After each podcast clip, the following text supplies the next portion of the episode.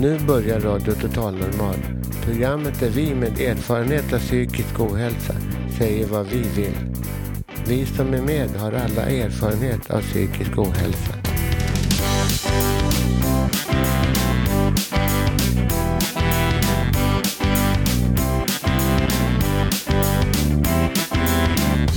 Du lyssnar på Radio Total Normal. 101,1. Totalt normalt. Radio Total Normal, torsdagar från två till halv fyra. Vi livesänder med publik från Götgatan 38 i Stockholm. Kom hit och lyssna. Här är alla röster lika värda.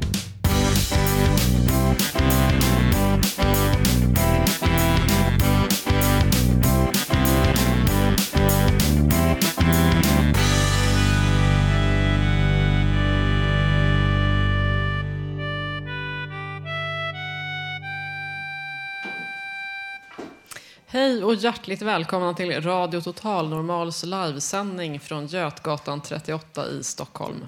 Vi sänder på 101,1 här i närradion och på webben förstås på www.radiototalnormal.se där det går att lyssna på tidigare program. Vi har en härlig publik och hög stämning som vanligt här i matsalen. Här på Fountain House där vi sänder ifrån. Idag ska vi få höra fortsättningen av Thomas hiphop-serie och vi kommer också att få höra Janne på stan. Och så blir det livemusik och en massa annat förstås. Jag som är dagens programledare heter Alexandra Barkov. Och så tänkte jag passa på att hälsa till världens bästa dulcianlärare Thomas Lindgren som jag vet sitter och lyssnar.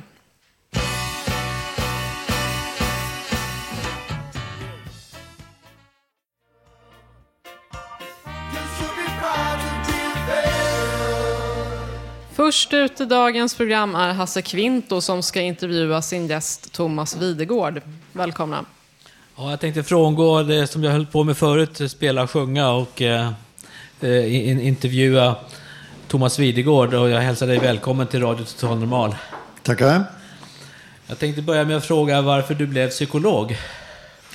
Eh, Jag blev det av födsel och ohejdad vana. Ja. Eh, Om man har en deprimerad mamma och är yngsta barnet så det är lätt att man blir psykolog till sin mamma.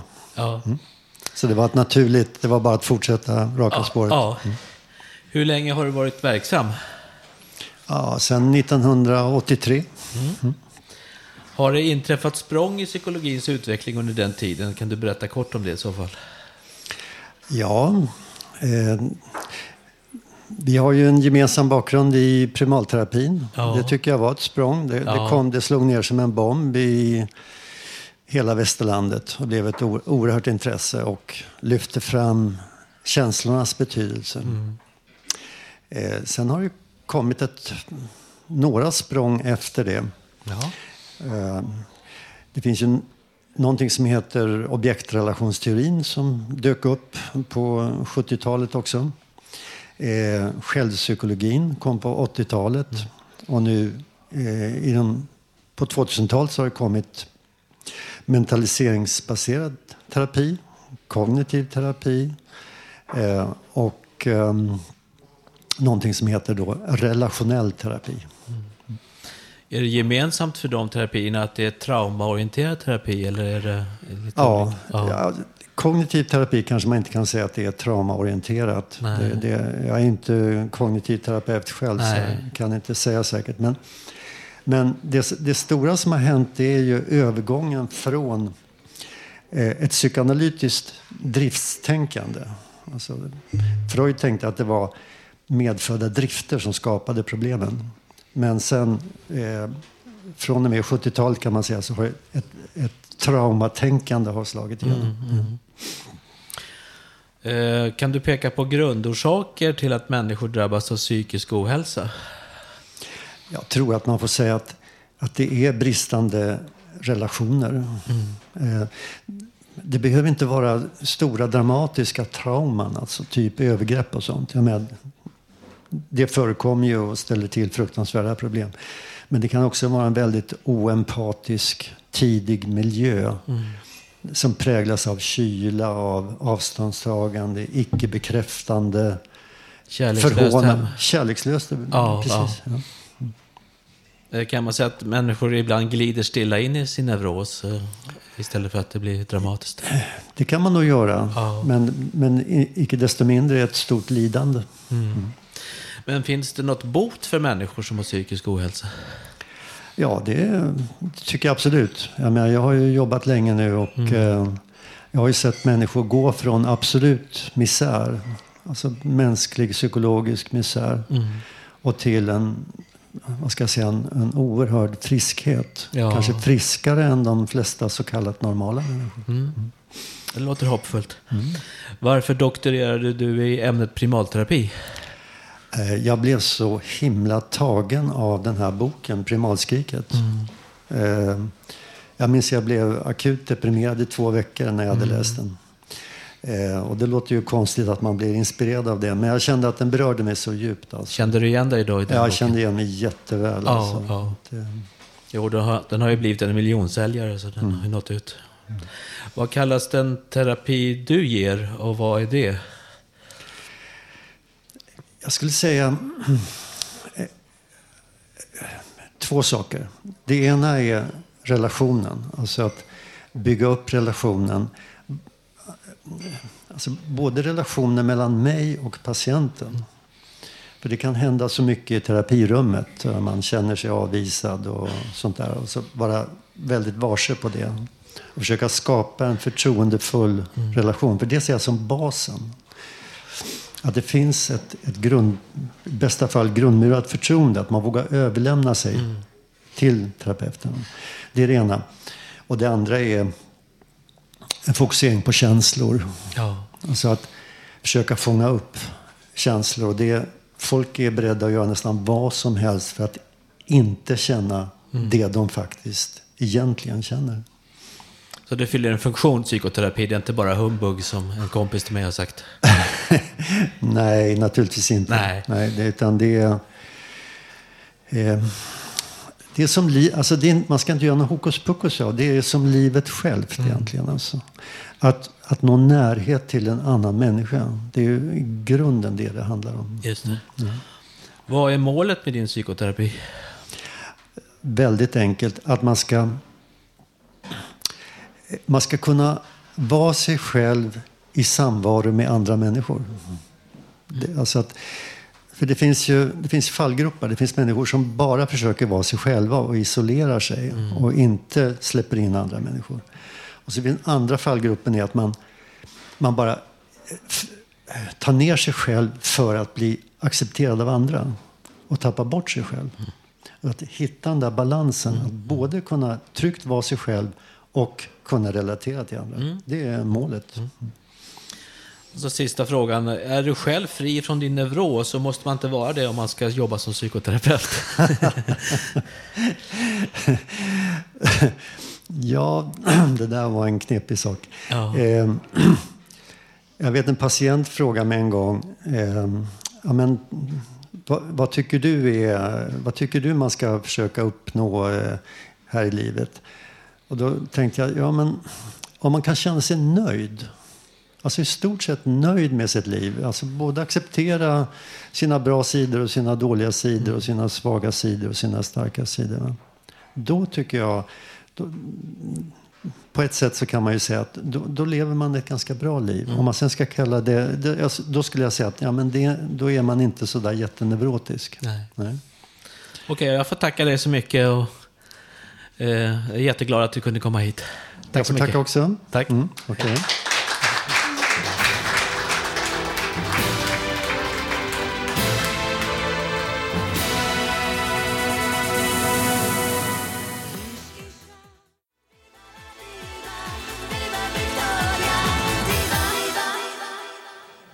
Nu ska vi få höra Gabriels kanske-lista och jag är så nyfiken på vad det här kan vara för något. En lista över saker som gör att jag vill stanna hemma. Skor, kläder, krogar, förhandsvisningar, snygga personer, tidningar som mode figurerar i, kameror från One-Off, Elon eller kanske Electrolux, expert som inte finns och så vidare. internet, restauranger med service som är omtalad, post, Wu-Tang box, Kent box, Sony Ericsson eller JVC, oförutsägbara möten, date, mysiga hemmakvällar. All form av umgänge med det motsatta könet, folk överhuvudtaget. Böcker från natur och kultur. Flights. Hotell, vandrarhem. Lösgodis. Skateboard. Andra saker. Krig. Svält.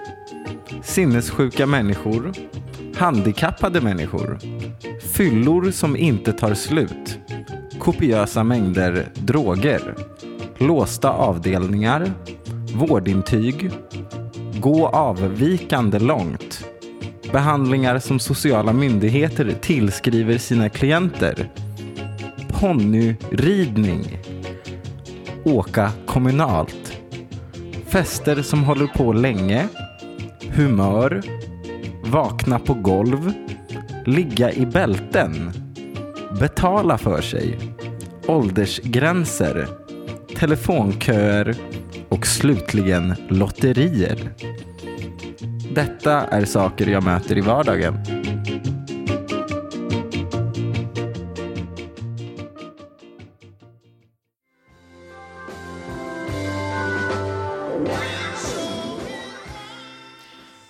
Nu är det Tommy som ska spela för oss här. En rysk vals fick jag höra att vi ska få höra.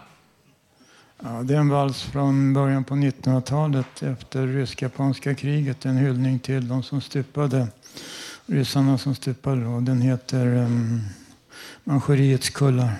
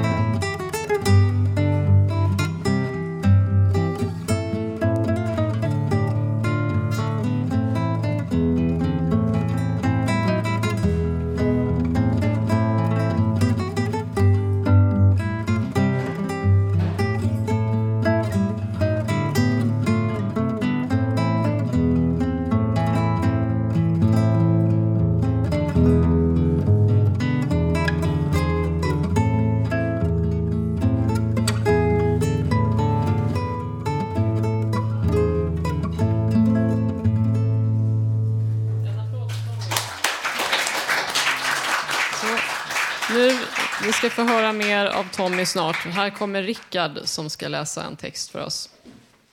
Jag hörde en gång sägas att ansvaret för den stora ondskan i världen inte endast bärs av det lilla fåtalet onda människor, utan till stor del av den stora massan likgiltiga. Likgiltigheten ger ondskan sitt spelrum och omoralen sitt berättigande. När vanliga människor väljer att stå tysta och se på, att sticka huvudet i sanden, låter de vad som helst hända. Och när sedan skulden ska delas ut är de självklart inte skyldiga. De kan inte ha en del av skulden. De stack bara huvudet i sanden. Sanningen är dock att vi alla har en del i ansvaret. Summan av de beslut vi gör eller väljer att inte göra i vår vardag är den bakomliggande anledningen till att världen ser ut som den gör. Att vårt samhälle ser ut som det är. Världen av idag är den värld vi alla har skapat och den är fylld av outsägligt lidande, orättvisor som knappt ens går att överblicka. Faktum är att själva systemet vi lever i är byggt på lidande. Om det inte vore för att miljontals människor arbetar sju dagar i veckan för slavlöner på avlägsna kontinenter skulle vi inte kunna konsumera som vi gör. Om det inte vore för handelsavtal som förtrycker hela befolkningsgrupper skulle vi inte kunna ha shopping som nöje och tidsfördriv. Krig som flagrant bryter mot folkrätten förs över världens oljeresurser och vi höjer knappt ens på ögonbrynen medan blodet flyter ner i bensintanken. Vi ser rapporter om svält, fattigdom och död på kvällsnyheterna och verkar tro att det sker på en annan planet, att det inte finns någon koppling mellan oss och dem. Vi reflekterar inte över förhållandet mellan deras fattigdom och vårt välstånd. Vi ser det som en självklarhet att ha den senaste smartphonen, den senaste platt-tvn och klä oss i det senaste modet. Men vi vill inte tänka på att dessa produkter ofta tillverkas under arbetsförhållanden som vore grovt olagliga i vårt eget land och av människor som inte under hela sin livstid ens kommer att komma i närheten av att äga en smartphone. Vi är likgiltiga inför verkligheten, likgiltiga inför lidandet som bär upp vår livsstil, lidandet som gör oss rika och likgiltigheten som bedövar våra samveten. Men man behöver inte färdas långt bort för att se hur den moderna människans likgiltighet inför mänskligt lidande finns. Den finns överallt i vår vardag. Det människan gör i stort föds ofta vad hon gör i smått. Och det är alla små vardagsbeslut som i slutändan definierar oss som människor. Jag minns en händelse ett par år tillbaka som chockade mig och som stannat med mig sedan dess. Det hela utspelade sig en mycket kall vinterkväll i mitten av december. Jag och min dåvarande flickvän var på väg hem från tunnelbanan. Det var många människor på väg från stationen och alla skyndade hem för att komma in i värmen. En bit från stationen satt en äldre kvinna i en snödriva och grät. Tårarna strömmade från hennes ansikte och hon verkade helt förstörd. Person efter person gick förbi henne, ignorerade henne fullständigt. De bevärdigade henne inte ens med en blick. Jag och min flickvän gick fram och frågade vad som hade hänt och efter en stund lyckades kvinnan förklara att hon led av diagnostiserad panikångest, att hon hade fått ett svårt anfall på vägen hem från en väninna. Vi hjälpte henne hem och ringde hennes sjukvårdskontakt. De skickade genast ett mobilteam som tog hand om henne och såg till att hon fick sin medicin. När teamet väl hade kommit så gick vi hemåt och var båda skakade av händelsen. Det som chockade mig var att ett femtiotal helt vanliga svenskar kunde gå förbi en gråtande äldre kvinna i en snödriva utan att hjälpa till. Utan att fråga vad som hade hänt, utan att bry sig överhuvudtaget. Hon kunde ha förfrusit i den snödrivan, hon kunde blivit allvarligt sjuk. Det hade kunnat bli en tragisk notis i tidningen och vanliga svenskar skulle förfasa sig och säga att de aldrig skulle kunna gå förbi. Bevisligen så kan vanliga svenskar göra det. Gå förbi och titta åt ett annat håll. De kan gå hem till sina familjer och sova gott utan en tanke på kvinnan i snödrivan. Den typen av likgiltighet går inte att ursäkta. Den kan inte slätas över. Den kan inte förklaras med att man har blivit avtrubbad av nyhetsflödet eller att det händer så långt bort. Den här likgiltigheten finns mitt bland oss. Den kan drabba vem som helst och den kan bäras av vem som helst. Att titta åt ett annat håll när en människa lider är att tillåta det lidandet att fortsätta. Och i takt med att man låter sina medmänniskor lida tappar man själv steg för steg sin mänsklighet. Likgiltigheten urholkar själen och gör oss blinda. Blinda för andra människor och blinda för oss själva. Samhällsklimatet i dagens Sverige blir år för år allt råare och kallare. Det verkar som vi helt enkelt inte bryr oss om varandra längre. Som om vi har tappat begrepp som omtanke och solidaritet någonstans längs vägen. Inte nog med att vi är likgiltiga inför världen och vår roll i den. Vi är som det verkar helt likgiltiga inför vår egen omedelbara närhet. Likgiltigheten isolerar oss från varandra. Den gör oss kalla och distanserade. Vi stänger av våra samveten för att det känns bekvämt. Men den obekväma sanningen är att vi genom att göra så gradvis förlorar oss själva. Man kan inte stänga samvetet utan att samtidigt även stänga delar av sitt hjärta. Man kan inte distansera sig från omvärlden utan att också distansera sig från sig själv. Jag väljer att avsluta denna reflektion med ett par välvalda ord från den judiske nobelpristagaren och förintelseöverlevaren Elitzer Wiesel. Kärlekens motsats är inte hatet, utan likgiltigheten. För det är så det är. Det är kärleken som ger oss vår mänsklighet och likgiltigheten som tar den ifrån oss.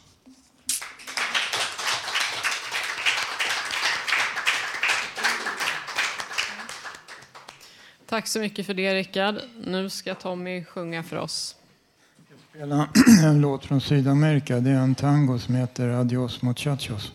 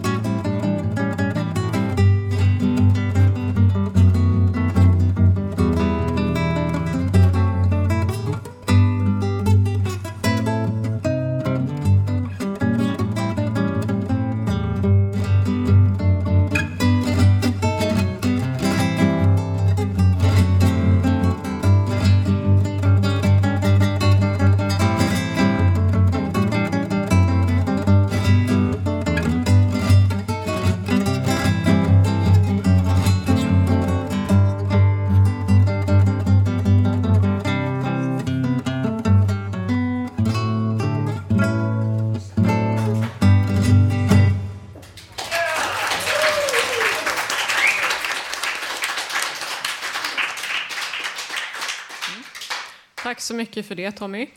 Nu är det så att jag har fått i uppdrag att läsa en efterlysning här högt. Så eh, då undrar jag om någon vill kännas vid att de saknar eller tappat sin kruka på Götgatan så finns den här och den kan hämtas mot beskrivning. Upphittaren säger att ingen vill vara personen who brings pot to work. I alla fall, det finns en kruka här på Radio Total Normal som eh, vi gör anspråk på om ingen hör av sig innan sändningen är slut.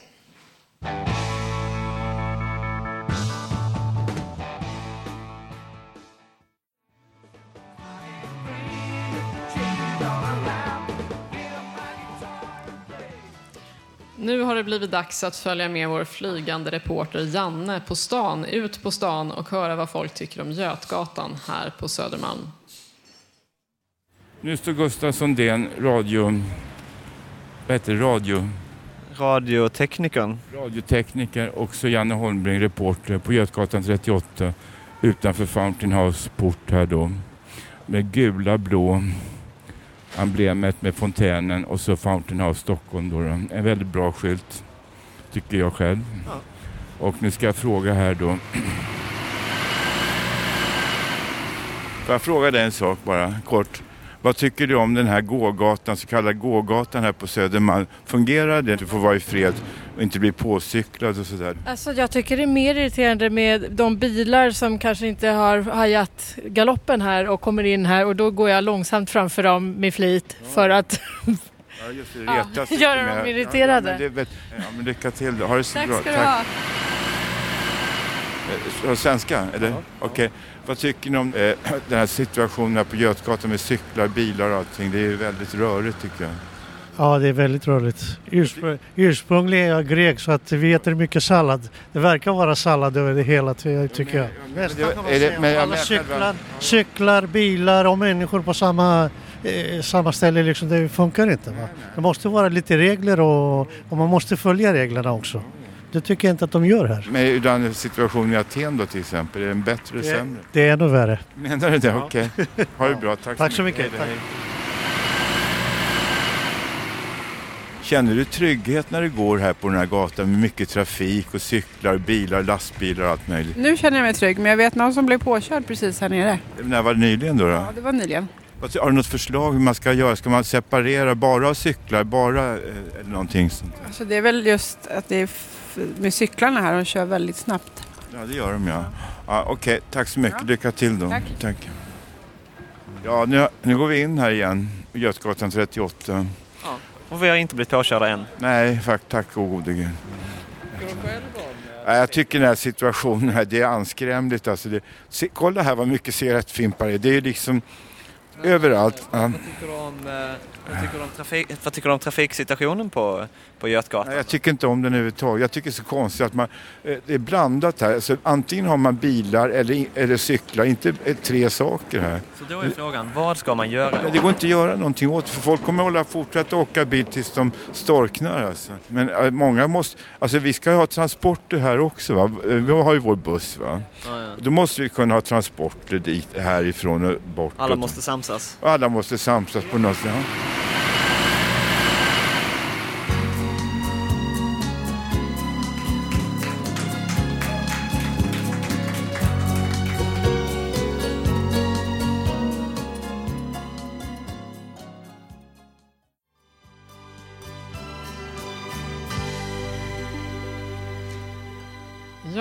Lämnar över ordet till vår hus, huskomiker, ska jag säga. Lars V, välkommen. Vad trevligt. Tack ska ni ha. Vi har ju besök från Deutschland idag. Hej. Och därför vi spelar Nicole. Vilket år? Ja, 82 som vann ju Nicole då Melodifestivalen, den stora schlagerfestivalen. Uh, jag börjar som Martin Ljung brukar säga. Innan jag kom hit fanns det inte humor för fem öre. Men nu finns det för fem öre. Ja, jag skulle egentligen eh, tänkte vi skulle blir lite allsång här. Jag tänkte man skulle, om man blandar Taube och Bellman, har ni gjort det när ni sjunger allsång? Man, eh, Taube gjorde den här tatuerade valsen. Sånt gör man numera som fröken vet. Men om man eh, blandar inte Bellman där, då blir det ju fjärilen vingad syns på magen. Eh, vad har hänt i veckan då? Ja, kungen eh, har en väldigt stor förmögenhet. Han har inte bara ett rikt kärleksliv, har vi fått veta, utan även väldigt förmögen, vår kung. Vad, eh, vad säger kungen? Trevligt, trevligt att få vara här. Jag, tycker mycket om pengar. Eh, jag är starkt präglad eh, av enkronor. Och sen den stora nyheten då. Madeleine har förlovat sig med Chris O'Neill. Räckte det inte med en kille? Chris, både Chris och Neil.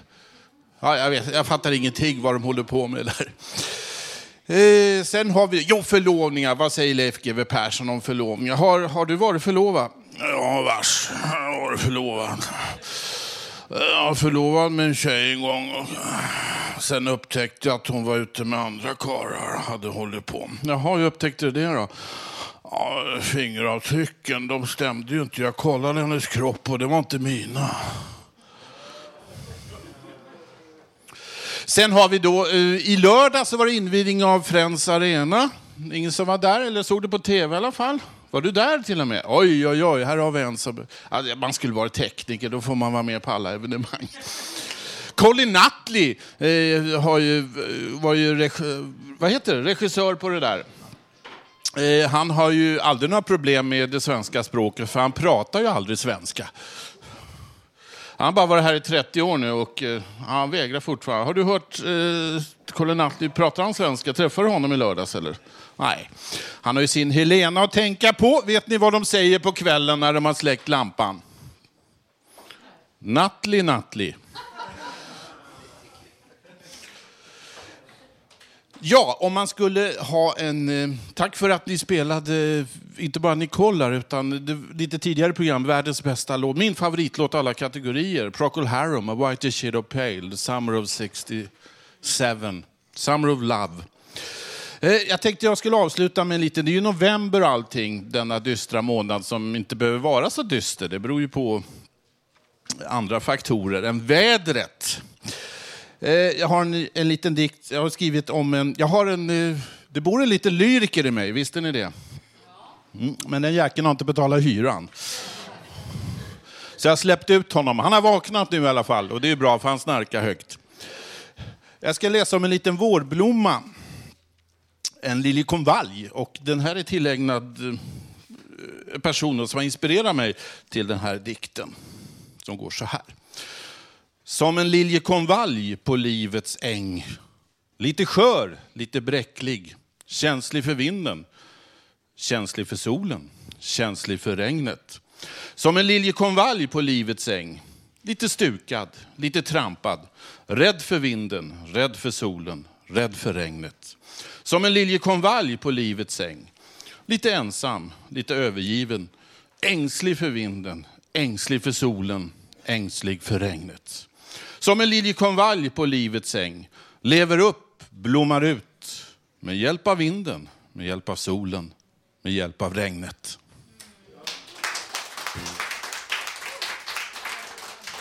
Tack för det. Nu ska det bli Carola då. Året efter Nicole, då reste Carola till München, kom trea med den här låten.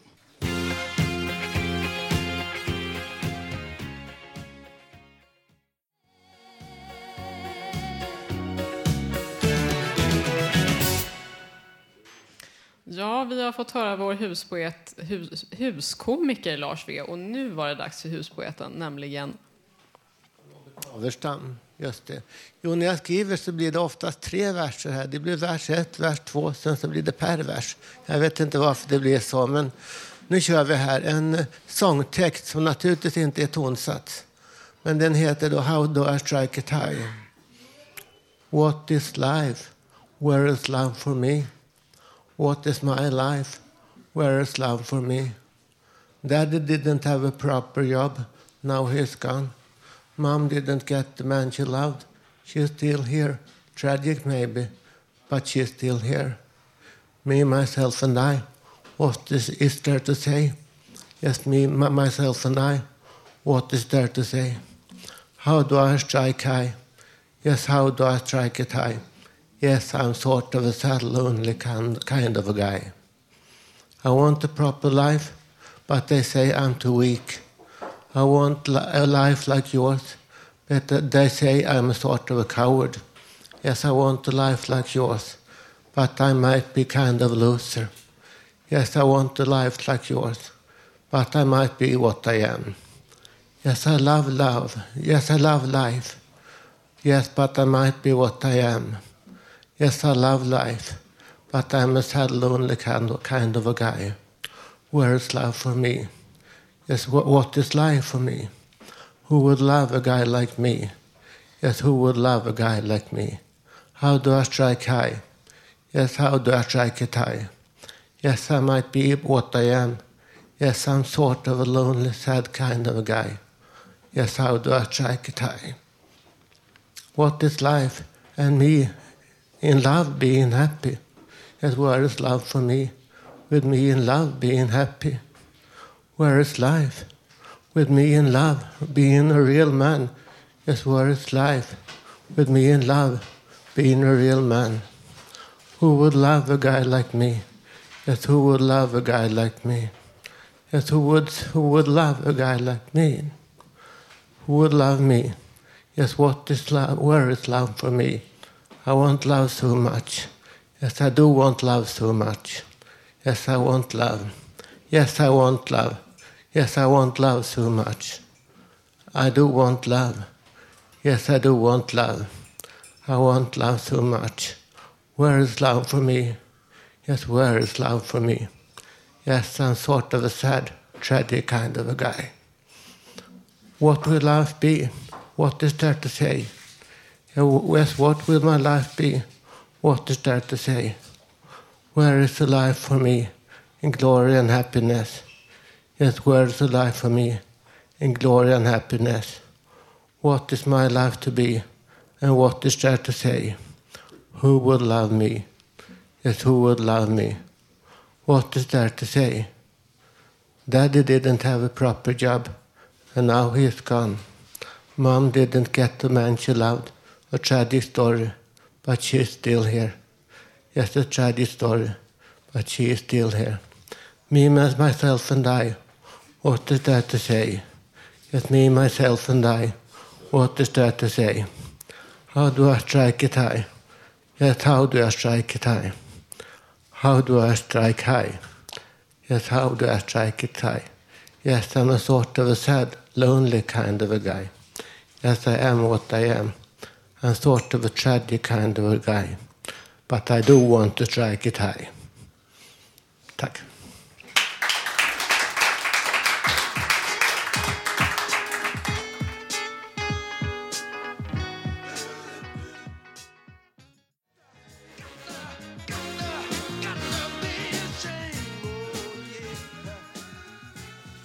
Jag säger välkommen till Carita som ska sjunga för oss. Hej. Kvinnan, kvinnan, kvinnan Förr var hon blott ett poem Jag vill ge er kvinnan som ett modernt problem ni ungdomar här som har sökt överallt. En kvinnotyp helt speciell. Ställ värmeelementet i hjärtat på kallt och teckna, jag är er modell vill ni se en stjärna? Se på mig. Ni får mycket gärna se på mig. Tårar kan jag gjuta, blixtar kan jag skjuta. Jag är primadonna, assoluta.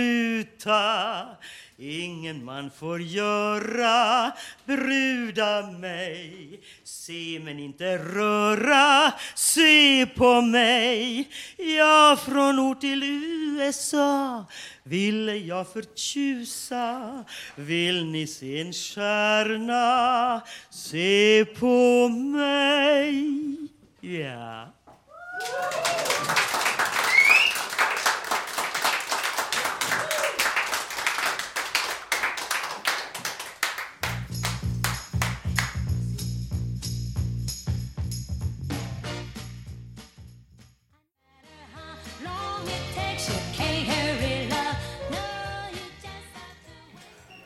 Nu ska vi få njuta av poesi här.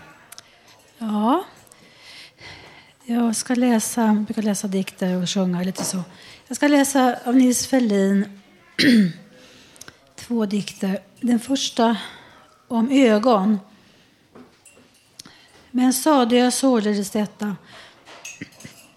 Det vackraste ögon jag vet är barnens ögon som ser en stor och jublande hemlighet.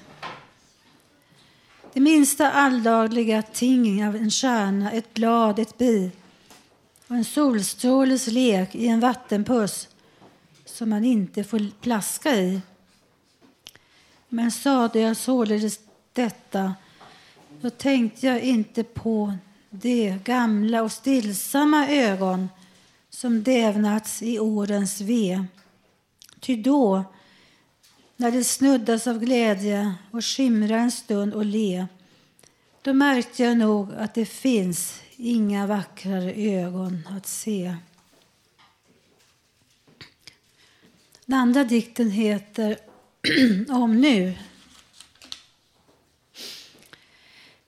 Jag också ville väl andra och ljusare stigar att gå andra stigar att vandra för mörknaden faller på. Jag också, skulle man tycka, kunde väl finna en bro som leder, om inte till lycka, så bara till vardagsro. Jag också kunde väl hitta ett ärende lika som du. Det blir lite tradigt att sitta och stirra tillbaks som nu. Tack.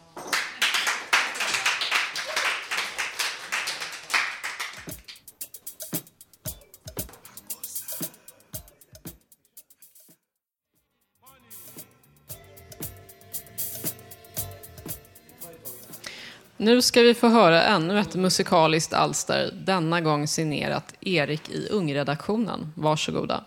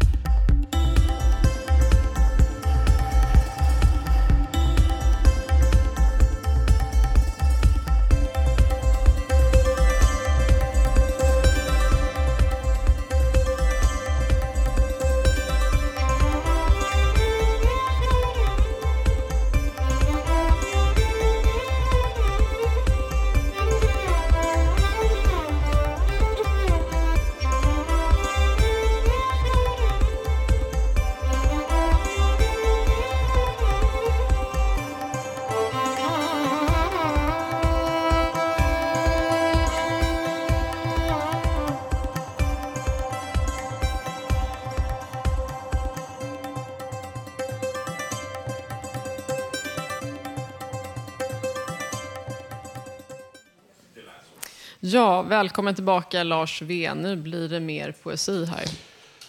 Ja, vad trevligt. Eh, vi har lite tid över. Då skulle jag kunna eh, dra ett litet alster som handlar om just tid. Mm.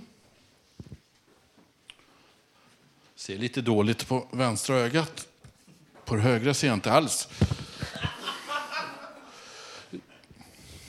Tid, vad är tid? Tid som ständigt är i rörelse. Tid som aldrig står still. Tid som tickar. Tid som alltid går framåt. Tid som tar tid i tid och otid. Tid är lika för alla utom för mig, ty jag har inte tid.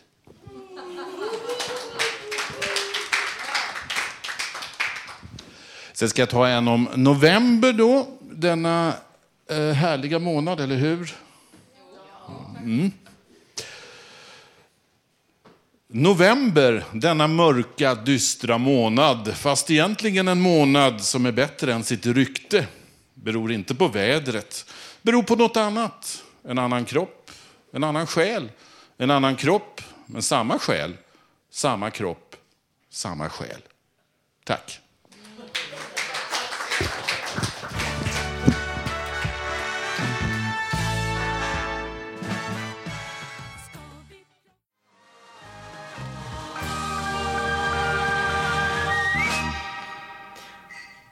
Ja, nu fortsätter Thomas följetong hiphop-favoriter. Vi har kommit till del tre och nu ska vi få bekanta oss lite mer med Buck 65. Så har det då kommit till Thomas hiphop-favoriter del 3. Och jag ska ta en kille den här gången. Och egentligen min största favorit bland alla är Buck 65. Han skulle egentligen hetat 65 Buick för han hängde omkring med vet, gamla gubbar hela tiden. Och det var en av de gubbarna. Han sa allt så här. Ja, ah, Turfree, han är precis som min 65 Buick. Han lyssnar alltid på mig.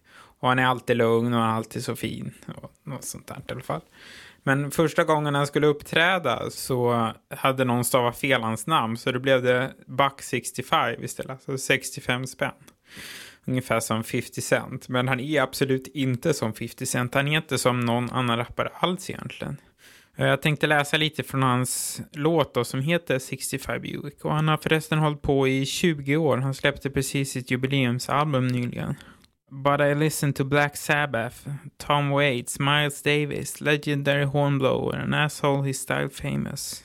Now I'm the hotshot, hip-hop, slow jammer, shit-talking, well-dressed radio programmer. Inte half-stepping or accepting any settlement. If gentlemen prefer blonde, then I guess I'm not a gentleman. So let me pull this quote off the shelf, and it goes, respect is something you learn by being yourself.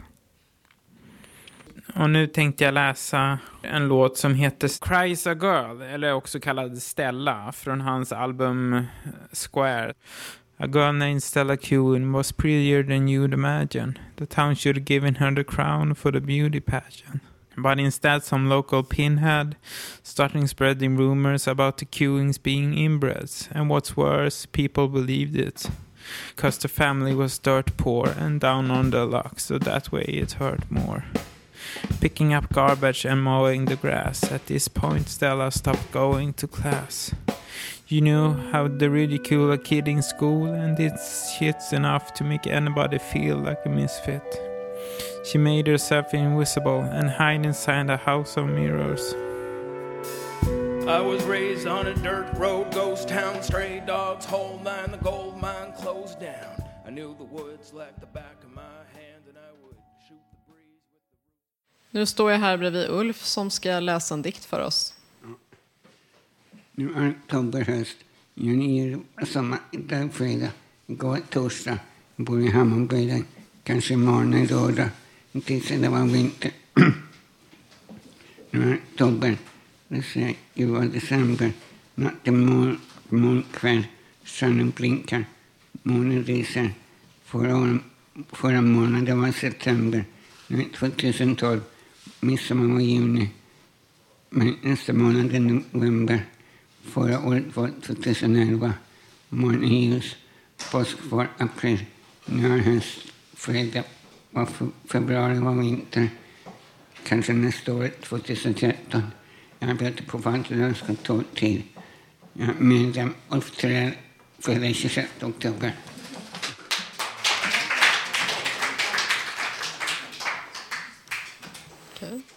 Ja, vi börjar närma oss slutet av sändningen. Men innan vi slutar skulle jag vilja berätta om en grej som hände för ett par månader sedan. Jag skulle vara programledare och hade sett fram emot det jättemycket. Men så vaknade jag hemma samma på morgonen då och hade ont i halsen och var jättesjuk. Det var riktigt trist att ligga hemma i sängen och inte orka göra någonting istället för att vara programledare. Men så damp posten ner och minsann, där fanns ett födelsedagskort. Jag skulle precis fylla år. Jag blev så glad över att mina kollegor här på Fountain House hade tänkt på mig. Och det satte verkligen guldkant på en annars väldigt tråkig dag. Så jag vill passa på att eh, tacka alla här på Fountain House för att ni finns.